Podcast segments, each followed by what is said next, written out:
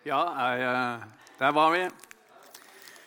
Ja, jeg må si det er hyggelig å se mye kristen ungdom på ett sted. Og vite at dette er kanskje bare en tredjedel av de som er vanlige. Eh, jeg misunner det litt i Rogaland. Det eneste jeg fant som minner om Sørlandet, her, var den der Sørlandschips melkesjokolade. For det er i hvert fall noe godt fra Sørlandet. Det er ikke noe bedre chips enn sørlandschips. Det er jeg enig i. Men dere, jakten på kjærligheten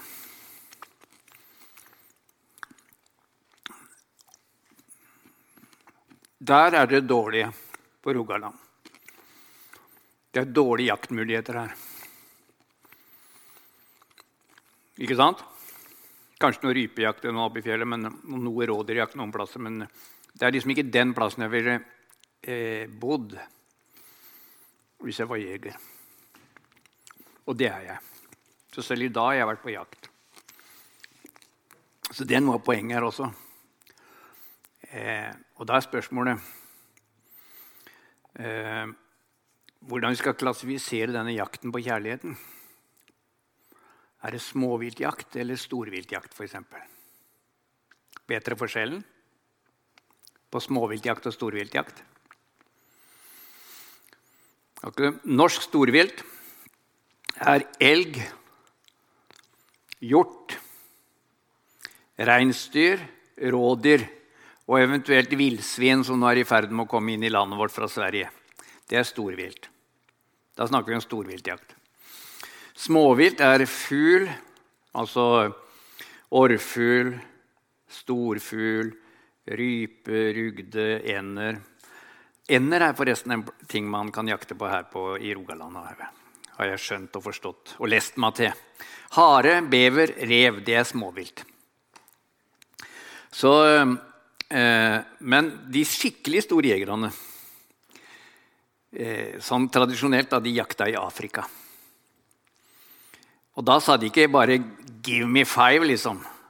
Men der heter det 'the big five'. Har du hørt om det? Jeg husker dere noen av de? For en jeger som var storviltjeger i Afrika, så var målet å ha felt en av disse fem store, the big five. Det var elefant, nesehorn, løve, bøffel og leopard. Hadde du skutt én av de, altså en av hver av de, da, da var det virkelig Da kunne du slappe av litt. Og så er spørsmålet hvor fordi Bibelen, Hvorfor jeg sier 'jakten på kjærligheten', er fordi Bibelen sier det. Bibelen har nemlig grunnordet 'jakt' er 'jage'. Å jage etter. Og, og det, selve, grunn, selve, utgangspunktet for hele jakten på kjærligheten er 1. Korinterbrev 14.1. Jag etter kjærligheten, står det. Men først så står, skal jeg ta med et par andre vers, nemlig 1. Timotius 6,11. Der står det om å jage etter du, Guds menneske, står det. I forkant, konteksten for dette er jo nemlig de som eh, jager etter penger. Kjærlighet til penger er roten til alt ondt, står det. Og der, så, så, Når han har beskrevet dette eh, eh si, ja, Det står jo også om det i, i eh, denne forkynneren, om jag etter vind. Og der eh, Altså veldig mye i livet. Og veldig mye som, som, som, eh, som, menneskene bruker ressurser på, er jag etter tomhet, etter vind. Ikke bare etter vinning engang, men etter vind. Men der står det, når det er sagt, i 1. Korinterbrev 6 Nei, i, i, sa jeg 1. Korinterbrev, 1. Timotius 6, i vers 11 så står det 'Du Guds menneske'. Hold deg borte fra alt dette og jag etter rettferdighet, Guds frykt, tro, kjærlighet, utholdenhet og ydmykhet. Der er kjærlighet én av de. Men eh, der står altså sammen rettferdighet, gudsfrykt, tro, utholdenhet og ydmykhet. Altså seks stykker til sammen. I 2. Timotius 2,22 Hvis det hadde vært noen dyktige jegere her sagt 2,22, det passer jo veldig bra, for det er jo et, et av verdens mest kjente kaliber. 2,22. Og det er 0,222 tommer. Det vil si 5,5 millimeter. Men eh, der står det 'jag eh, fly ungdommens lyster'. Det står alltid altså snakk om å eh, fly noe. Og så står det 'jag etter' Ja, forresten. Hvor ofte hører dere preka av det 'fly ungdommens lyster'?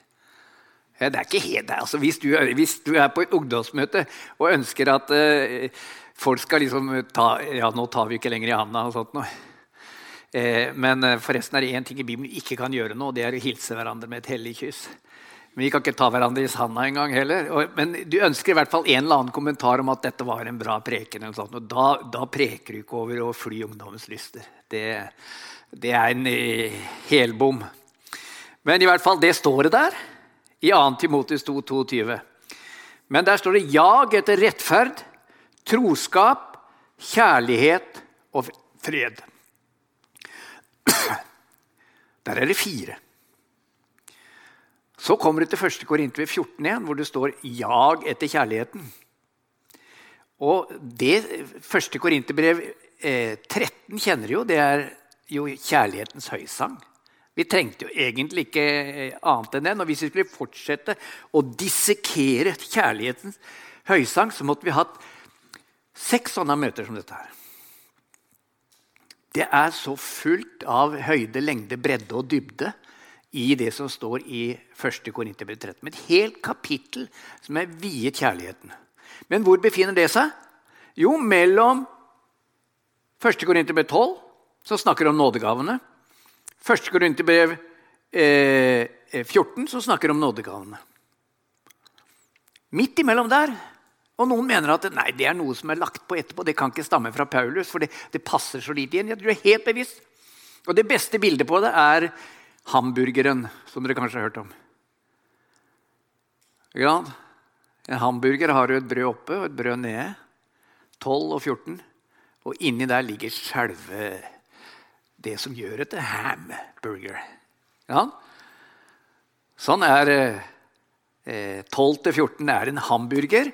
Og selve burgeren ligger altså i midten, og det er 1. Korinterbrev 13. Det er det som gir, gir, smak. Uten det så hadde det og Derfor hadde det ikke vært noe. Og Derfor så sier på slutten i, av eh, 1. Eh, Korinterbrev 13, hvor det står om kjærligheten, så, det, så blir de stående disse tre. Nå er det tre. Tro, håp og kjærlighet. Og så står det ikke størst av alt er kjærligheten. Nei, størst blant dem er kjærligheten, står det. Så det er altså ikke snakk om the big five, men the big one.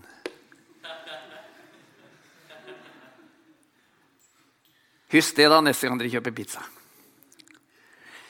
Det er faktisk grunnlag for å si at uh, nå er vi fremdeles inne i jegerbildet. The big one, hvis du skal jakte. Og her trenger du eh, Altså, er du Tror du på Jesus og er døpt i Jesu navn, så har du allerede bestått jegerprøven. Og så er det jakt i hele året. Og du, du har noe å gjøre resten av livet. Fra du våkner om morgenen til du legger deg om kvelden, så er jakten på kjærligheten. Med alle de aspekter der. Og da, det er jo Dilemmaet vårt er jo at når du sier kjærlighet Det er derfor de sier, eh, som han sa, han som jeg siterte eh, fra, fra Fedrelandsvenn, at man, Gud er bare kjærlighet. Og når man snakker om kjærligheten, og når man snakker om jakten på kjærligheten, enten det er Farmen eller eller uh, hva de nå heter. X on the beach. jeg husker ikke hva alle disse, uh, Det er kanskje en av de from, mindre fromme, tenker jeg. Uh, det aner meg det. Men altså Alle disse så er kjærlighet noe helt annet. Det er først og fremst erotikk. Det er eros. Man, man, kjærlighet når det blir, blir, så suges det inn i vår tids forståelse av kjærlighet. Det er bare én av de tre. Og den er verdsatt, Men den har en ramme i Bibelen, og det må vi klart slå fast. Vil du være en minoritet i Norge nå? Vil du være en kristen og stå på Guds ord? Så sier du at eh, eros, den delen av kjærligheten som er uttrykk for den, den lidenskapelige kjærlighet som Gud har skapt oss med, den har en ramme. Og det er det monogame, heterofile, livsvarige ekteskapet. Det er rammen. Dette er jo god sambandsteologi, men det er slett ikke ingen selvfølge i våre dager. Å bli mer og mer en minoritet og holde fast på den forståelsen og, det, eh, og holde fast på nettopp det fordi Er det noen plass om lovløshetens eh, Paulus snakker jo om det også. Lovløshetens hemmelighet snakker han i 2. Tesalonikerbrev. Da snakker han nettopp om Antikrist og om de siste tider.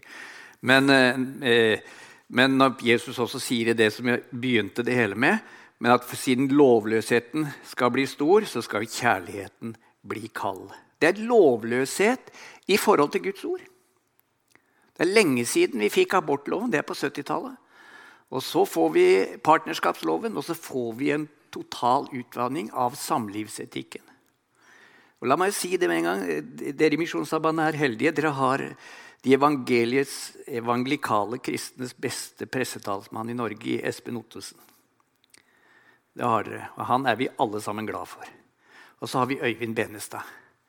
Det er tilsynsmennene i Norge i dag det er biskopene. Som våger å bli upopulære, som våger å bli kalt homofober og hva det måtte være, men som tør å stå på det. Og så har de den eh, unike egenskapen at de greier å formidle det med kjærlighet. Det vil si, de blir ikke hissige, de blir ikke aggressive. De har eh, eh si, bevisstgjort seg selv og gjennomgått den prosessen så mye. Vi har egentlig ingenting å frykte. Men de gjør det med kjærlighet. Men den som vi først og fremst skal jage etter når Bibelen snakker om å jage etter kjærligheten, og det uttrykket som er brukt der, det er agape. Så skulle vi lære, skulle vi finne opp, skulle vi komme fra disse møtene med et nytt ord som aldri har blitt brukt før i Rogaland så er det dette jagape. Jag etter kjærligheten. Jag etter agape. Og dere, Jager vi etter det, jakter vi på det, ja, så har vi faktisk noe å gjøre resten av livet. Det er selve storviltet i, i, i Bibelen. Eh, og det er ikke bare Paulus som sier at det er det største av alle verdiene. At størst blant dem er kjærligheten. Det er ikke bare noe som, for Veldig ofte nå så prøver man å sette Bibelen, bibelskrifter og bibelske forfattere eh, opp mot hverandre. Det er jo 40 forfattere i Bibelen. Og, og, og, og eh, I Det nye testamentet eh, er det jo 27 eh, skrifter. Paulus er jo den som har skrevet flest. Han har skrevet 13 brev. Men det er ikke bare Paulus som sier dette. Jesus bekrefter det samme. At kjærligheten er den, den, viktigste verdien. Når han blir spurt det er vel nettopp av en fariseer om hva de største av alle budene, så, så, så, så, sier jo nettopp Jesus det, og bekrefter i hvert fall. Og i, på den måten så bekrefter han også Det gamle testamentet. At det, eh, summen av det hele, det aller viktigste, er du skal elske Herren i Gud av hele ditt hjerte, all din hu, all din kraft. Og så skal du et som er like stort. Du skal elske de neste som deg sjøl. Det dobbelte kjærlighetsbudet det er det største og det første budet. Så han sier egentlig indirekte, ja nesten direkte, at størst av dem, det største av alt, er kjærligheten. Uh, og så sier jo Jesus også til disiplene sine De er ikke bare Eh, det gjelder altså ikke en sånn allment alle mennesker. Men han sier spesielt til disiplene, og det skal vi også være klar over Når det står om å elske hverandre, så er det veldig ofte der adressaten er Guds menighet, Guds folk. Et nytt bud gir jeg dere, sier det. Dere skal elske hverandre som jeg har elsket dere. Skal dere elske hverandre, står i Johannes 13, 34. Seinere i kapittel 15, vers 12. Og dette er mitt bud. Dere skal elske hverandre som jeg har elsket dere. Og eh, eh vers etter, fem vers etterpå. Dette er mitt bud til dere. Elsk hverandre. Det er til Guds menighet. Men samtidig skal vi vite at det betyr ikke at vi hater noen andre. Men vi har flere vers i Bibelen. Eh, et av de beste er Galatbrev 6,10. La oss gjøre godt mot alle så lenge det er tid, og mest mot de som er våre søsken i troen. Sånn er på en måte balansegangen i Bibelen. Men veldig ofte når det står om kjærligheten, så er den innbyrdes kjærlighet i Guds menighet. Så, eh, og det samme Det var altså Jesus som sier det. Og han sier, Når han sier et nytt bud, så er det først og fremst nytt sånn rent frelseshistorisk. Fordi det er basert på Jesu komme, Jesu død og oppstandelse. Og den nytestamentlige menighet, som da dannes. Men Johannes han bruker ordet 'elske' 30 ganger i sitt første brev. Og kjærlighet bruker han nesten 20 ganger. Altså på 105 vers så finner du dette her bort nesten 50 ganger. Dvs. Si nesten i annethvert vers hvis det hadde vært jevnt fordelt. Hans bud står det i 3.23. Tro på Jesus og elske hverandre. 4.21. Budet fra ham elske Gud og elske sin bror. Og Når det står 'sin bror', så betyr det sin kristne bror. Mine kjære, eh, står det i eh, vers 11 i det samme fjerde kapittelet, har Gud elsket oss slik, da skylder vi også å elske hverandre. Konklusjonen? Det gamle testamentet, Jesus, Paulus, Johannes. The big one kjærligheten. Størst av dem, størst av alle bibelske verdier, er kjærlighet. Så det er the big one. Big brother er ikke kjærlighet. Det er lyst. Ja, det er lyst. Og lyster er mange. Noen er lyster er gode, og noen er ikke gode. Onde lyster står det. Må skille mellom de. Legning brukes veldig mye i, i vår tid. Og legning har, har én type tilrøvet seg. Det er bare én ting vi tenker på med legning. Jeg vet at Øyvind Benestad er forsiktig med å bruke det. Eh, vi burde nok heller bruke det som Bibelen bruker, nemlig lyst. Og lyster er det masse av. Masse lyster. Jeg, tror jeg innbiller meg sjøl at jaktlysta ikke er direkte ond. Jeg håper ikke det. Og sånn. Ja.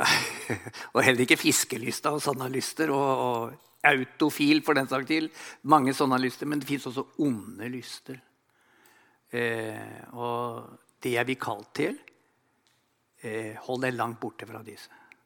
Du Guds menneske, du som hører Jesus til. Så, men dere, vi har fått nok å gjøre når det gjelder å jage etter den kjærligheten som Bibelen snakker om. Men hvorfor er den størst? Jo, sier Paulus, fordi den ikke tar slutt. Håpet, troen, de tar slutt, men kjærligheten varer evig. For troen, som jo er så sentralt, og som Peter sier i sitt brev, den er mer dyrebar enn gull som blir prøvet i ild. Den er mer kostbar enn gull. Og den trenger vi, dere. Og vi lever i en tid hvor eh, mange har kvittet seg med Skriften alene. Og nå, det, nå som det virkelig står på, det er troen alene. Det vil si i praksis at enten du tror eller ikke, det betyr ikke så mye. Det er bare noen sånne mentale fordeler, mentalhygieniske fordeler i dette livet. Men alle blir frelst uansett. Og har du ikke trodd, så blir du tvangsfrelst til slutt. Sånn, Det er, det er eh, veldig utbredt. Det var jo det han skrev også. Alle blir frelst. Guds kjærlighet trumfer alle ting. Det er ikke det du får inntrykk av i Bibelen. Er, du må filtrere vekk store deler av Bibelen for å eh, si det. Troen er viktig. Troen er fundamental. Av nåde er dere frelst ved tro. Det står fast, og det er ikke den eneste plassen det står. Det blir bekreftet av hele Bibelen. Men troen, den trenger vi ikke. Tro er full visshet om ting vi ikke ser. Nå er vi Guds barn. Det er ennå ikke åpenbart hva vi skal bli, vi vet at eh, når han kommer igjen, da skal vi se ham som han er, og vi skal bli ham like. Da trenger vi ikke troen lenger. Da jeg var barn, talte jeg som barn, tenkte jeg som et barn. Da jeg ble voksen, la, jeg av det barnslige, sier Paulus. Denne fasen her, så er troen uhyre viktig. Nå ser vi som i en speil i en gåte. Det er troen. Bibelen er speilet vårt. Og der, Vi ser nok til å bli frelst, men vi ser ikke alt. Vi venter på den dagen vi skal se ansikt til ansikt. Da trenger vi ikke troen lenger. Og håpet likedens. Håp, et håp som ses, er ikke noe håp. Og eh, når det blir oppfylt, oppfylt så det, har det fullført sin tjeneste. Etter målgang dere, så stopper klokka. Og når vi er i mål, så trenger vi ikke håpe lenger. Men det er én ting som går like inn i evigheten, og som begynner allerede her. Som starter her, men som eh, springer og blomstrer langt inn i evigheten, og det er kjærligheten. Og Derfor sier det, det har røttene sine i denne verden, den som er rotfestet og grunnfestet i kjærlighet, som Paulus sier i Efeserbrevet 3,17. Han vet allerede noe viktig om evigheten. Det er bare én ting som følger kjærligheten hele veien. Hva er det? Det er én ting som følger kjærligheten hele veien. Det er sannheten.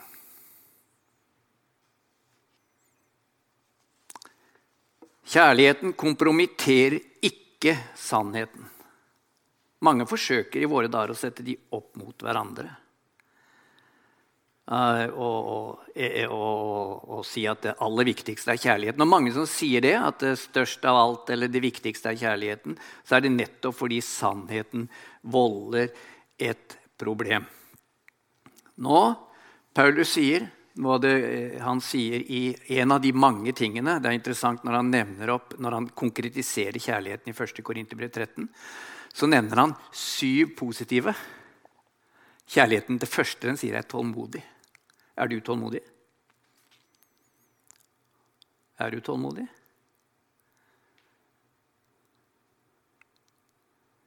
Har du Er det noe forbedringspotensial når det gjelder tålmodighet? Er det det? Det står at kjærligheten er tålmodig. Det spør ikke først og fremst etter følelser. og hva du føler. Er du tålmodig? Og hva betyr det? Hvis du jakter på kjærligheten, så betyr det rent konkret. Og særlig der du har dine svake punkter, å jage etter det. Kjempe et liv i bønn og forsakelse. Det aller viktigste verdien, det aller viktigste smykket du kan ha. Den aller viktigste dressen du kan ha på deg. Vi kan kle oss fint. Hva hjelper det? Vi skal avkle det gamle mennesket og ikle oss det nye. Tålmodighet er det. En av de. Utholdenhet. Kjærligheten tåler alt, tror alt, håper alt, utholder alt. Det er syv sånne positive. Og en av de er kjærligheten eh, eh, har ikke sin, gleder seg ikke over urett. Den har sin glede i sannheten. Kjærlighet og sannhet er ikke motsetninger. Bibelen kjenner ikke til at det er en motsetning. De to går sammen. Og Derfor er et kjernevers i denne sammenhengen og i jakten på kjærligheten hvis, noen, hvis, du kommer i det dilemmaet at nei, her må jeg eh, forkaste en sannhet for å være kjærlig, da, da, da, er, eh, da er vi en av tidens forvirringer som har, som har fått prege det. De to tinga står ikke i motsetning til hverandre. Vi skal være sannheten tro i kjærlighet. Kjærligheten er ikke større enn sannheten, og sannheten er heller ikke større enn kjærligheten. Eh, selv om det av og til kan oppleves slik. De går sammen som, som skinnene på jernbanen. De skal ikke gå fra hverandre. De skal ikke møtes. I begge tilfeller blir det avsporing. De skal gå sammen. Sannheten, tro i kjærligheten. Så følger de hverandre i det toget som går like inn i himmelen. Og det er derfor at det, selv, om, selv om han som kalles kjærlighetens apostel, kan oppleves hard Selv Jesus, som, som mange titulerer som at han er bare kjærlighet Han var, han var raus og inkluderende. og, sånt og sånt. Mange som beskriver Jesus, også av høyerestående politikere, som snakker og som har et bilde av Jesus. Det er sikkert ganske lenge siden de har lest i Bibelen. Og de har sikkert glemt at Jesus en dag gikk inn i tempelet og så, eh, så at det her, her eh, faktisk foraktet de Guds hellighet og tempelets hellighet. Og så Der var dueselgere og pengevekslere og kjøpmenn av alle slag. Så laga han seg en pisk. Jesus pisket folk ut. Han veltet eh, dueboden, han velstet eh, pengevekslenes bord og alt det der. Og var en, skapte skikkelig kaos. Jeg vet ikke om det er helt riktig gjengitt, men de som har sett Jesus-filmen, så ser jo hvordan Jesus rett og slett helt er nesten sånn vi kaller det rabiat. altså Går inn på tempelplassen der. Og hvor disiplene da prøver å stoppe tempelvakten fra å gripe inn. Og lar Jesus få virkelig herje skikkelig. Sånn, sånn har de på en måte filmatisert det i den uh, Jesus-filmen som vi bruker også mye i Afrika. Det, det er Jesus. Det er kjærlighetens Jesus. Sannheten og kjærligheten går sammen. Derfor oppleves alle disse som sier det, av og til også eh, nesten harde i sin tydelighet. Jesus sier, 'Jeg er ikke kommet for å skape Fred, sier han, men strid. I en annen, i en annen evangelie, parallelltekst, så sier han jeg er kommet for å sette et skille. Dette er noen ganger utålelig i vår tid. For det å sette et skille mellom mennesker Sånn som gårsdagens prekentekst eller gårsdagens evangelietekst, hvor en skilte fårene fra gjetene, det er for mange et uttrykk for ukjærlighet. Men det bibelske kjærlighetsbegrep inkluderer det i sitt totalbilde. Så, eh, og Paulus han er helt tydelig på det i Galaterbrevet 1, 8 og 9. Begge versene. Han gjentar det i det niende verset. Det som han sier i det åttende verset, han sier i praksis den som lærer annerledes, han bør være forbannet. Det er riktignok nesten bare de to versene han bruker det sterke uttrykket. Han være forbannet. Så alvorlig er et læremessig avvik. Og hvis du vet at det, dette fører mennesker bort ifra troen, at de da går fortapt i din overbevisning, så er det kjærlig å virkelig bli, bli eh, eh, engasjert av det. Menneskers frelse, menneskers evige ve og vel, kjærlighetens mål med oss, er at vi skal ha frimodighet på dommens dag. Jonas fikk en skikkelig test. Han var sendt til Ninive. Han ville ikke, for dette var noen forferdelige mennesker. De var voldelige, de var usympatiske. Det var, det var et forferdelig sted å dra for en jøde. Eh, han hadde ikke lyst til å dra der, og derfor eh, måtte han via hvalfiskens buk før han endelig eh, havnet på, på, der han var, sendt, var ment å skulle gå. Og så sitter han der, og så opplever han det som ingen nordmenn får oppleve. da. Men Afrikamisjonærene får noen ganger følelsen av det.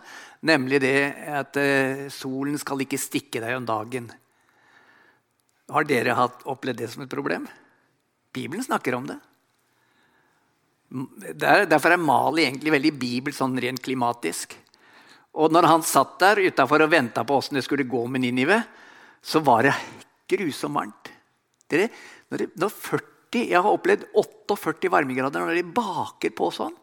Du blir altså så deppa. Og så fikk altså et skyggetre Skygge. Hernemning skygge. Her synger vi, ikke sant? Eh, sol, sol, kom igjen, solen er min beste venn. Vekk med skyer, paraplyer, aldri mer regne. Men det er ikke bibelsk. Bibelsk er, ville heller sagt, ikke sant? Eh, regn, regn, kom igjen. Regn er min beste venn. Vekk med eh, parasoller og, og sånt, og vekk med alt det. Aldri mer skinne. Sånn sier det i Bibelen. Solen stikker, solen er på mange vis en fiende. Sånn, Det er det bibelske. Der er det varmt. Og når da denne risinusbusken som ga ham skygge, visnet så fort, så blei Jeg kan forstå det. Han blei altså så deppa, Jonas, at han ønsket, eh, ønsket ikke å leve lenger. Ta mitt liv, Herre. Og så sier Gud til ham så følelsesmessig bevega blir du av bare skygge-ikke-skygge-problematikken. Ja, Norge så averterer husene solrikt beliggende. Ja, Vi forstår ikke det der, men eh, Jonas skjønte det, og Bibelen er full av det. Eh, solrikt beliggende er ikke noe positivt. Nei, det blir faktisk så deppa at du ønsker å, miste, at du ønsker å dø. Skulle ikke jeg da, sier Gud, bli beveget av denne store byen med ti ganger 12 000 mennesker og en mengde dyr. Ønske deres evige ve og vel. At ikke de skal gå fortapt. At ikke de skal falle inn under Guds dom, som ville være umiddelbar i dette tilfellet. Dere, Å elske mennesker er egentlig Hvis du da eh, ekskluderer sannheten, da, det, da blir det omtrent som et sykehus som bare har anestesi og ikke kirurgi. Tenk hvis det var det. Ville det vært kjærlighet? Alle disse smittevernreglene som virker så gledesdrepende, så partykillende inn i vårt samfunn, og ikke minst for ungdommen. Det er jo fordi de tar hensyn til mennesker. Ja, disse gamle skal jo dø snart. og sånt, ikke sant? Jeg hører jo til risikogruppen. Dette er kjærligheten det er å virkelig lide og tenke på andre menneskers ve og vel. Og ikke minst deres evige frelse. Og ofre noe for det. Hvis, det bare var, hvis alle sykehus besto av, av smertestillende, og det var alt vi fikk inntil vi døde Det ville ikke vært kjærlighet. Mens de derimot som ser her må det opereres, her må det blod og gørr. Dette ser ikke pent ut. Her må det kniv til, her må det kuttes. Her må det fjernes noe for at det skal være en bærekraftig eh, medisinsk inngrep. Det er kjærlighet. Kjærligheten kan derfor oppleves brutal noen ganger. Men kjærligheten tenker langsiktig. Den tenker bærekraft. Den tenker evighet. Kjærligheten er størst. Hvorfor det? Jo, fordi den ikke tar slutt. Den varer evig. Og Johannes også er veldig tydelig. Kjærlighetens apostel. Han sier i det andre brevet sitt at vranglære skal du ikke engang ønske velkommen i ditt hus. Så alvorlig er det. Så dere, disse to tinga er ikke motsetninger. De går sammen. Men dermed er det ikke sagt at vi skal være kjærlighetsløse i vår fremtoning. Måten å være på. Derfor bekrefter jeg det som jeg sa tidligere. Eh, den fantastiske egenskapen til både Espen Ottesen og Øyvind Benestad. De har denne milde fremtoningen midt i sin tydelighet. Og det er noe å jage etter og eie alle sammen. For hver og en av oss møter mennesker. For vi skal elske også vranglæren. Vi skal elske, vi skal faktisk være sannheten tro også i møte med disse i kjærlighet. La alt dere gjør, står det i 1. Korinterbrev 16, 14. Da alt dere gjør, skje i kjærlighet. Så der er vi. Og der runder vi av i jakten på kjærligheten. Og vi kunne holdt på mye lenger når vi skulle snakke om at kjærligheten ikke skryter, f.eks. Og ikke minst er, er, blir ikke bitter. Han gjemmer ikke på det onde. Blir ikke sint. Legg av alt slik. Sinne, hissighet. Legg det av. Det sier Paulus. Og er det så lett? Dere, Vi lever i en tid som ønsker å hvor kjærlighet er å bekrefte oss der vi er. Dere, Vi blir frelst av nåde, men nåden oppdrar oss, sier Paulus i, i Titus' brev. Den kaller oss til å leve et liv i kjærlighet. Og så er vi satt inn som frelste mennesker Jesus Kristus, så, så, ser han etter at vi bærer frukter i våre liv. At vi er kalt til. Vi har fått en kjempegøyal jakt. dere. Og så må dere, Jakt er jo først og fremst sport. ikke sant?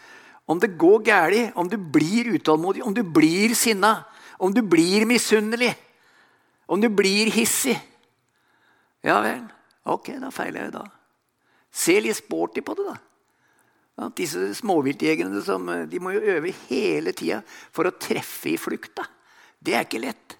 Å treffe ei and for eksempel, som kommer sidelengs og holder riktig foran. Men da skal du følge akkurat, og så skal du gi litt, du skal pensle over, og da skal du dra i akkurat dette. Det er fryktelig vanskelig. Den jakta vi er med på også, å jakte på kjærligheten. Vi har hele livet foran oss. Har dere tenkt på det? Plutselig blir hver eneste dag spennende. Når jeg våkner opp med kona mi, og det første hun ser på, er ikke meg. Nei, hun ser på Facebook. Ja, da, da får jeg litt sånn tålmodighetsprøve. ikke sant? Det var en sånn sang som hun, var hun som lærte man velg mellom meg og NRK.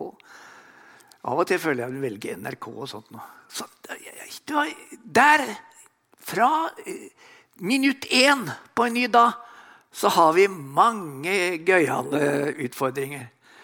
Og en kamp. Og så er det faktisk meningen at vi skal bli mer og mer lik Jesus Kristus. Vokse i nåde og i kjennskap til han. Og bli formet mer og mer lik Guds sønns bilde. Den jakten er vi på. Så da ble vi plutselig, enten vi var småviltjegere eller storviltjegere eller ikke-jegere, så blir vi alle sammen jegere. Kjærlighetsjegere. Lykke til, da. God jakt. Amen. Kjære Jesus, takk for at ikke du er langt borte fra oss. Takk for at du har en plan med vårt liv. Takk for at du er kjærlighet. Og at det ikke bare er et ord, men det er handling. Du eh, aktet det ikke som røvet skatt å være Gud lik, men av, selv, av, deg selv ga du avkall på det, tok på deg en tjenerskikkelse og ble menneske som vi.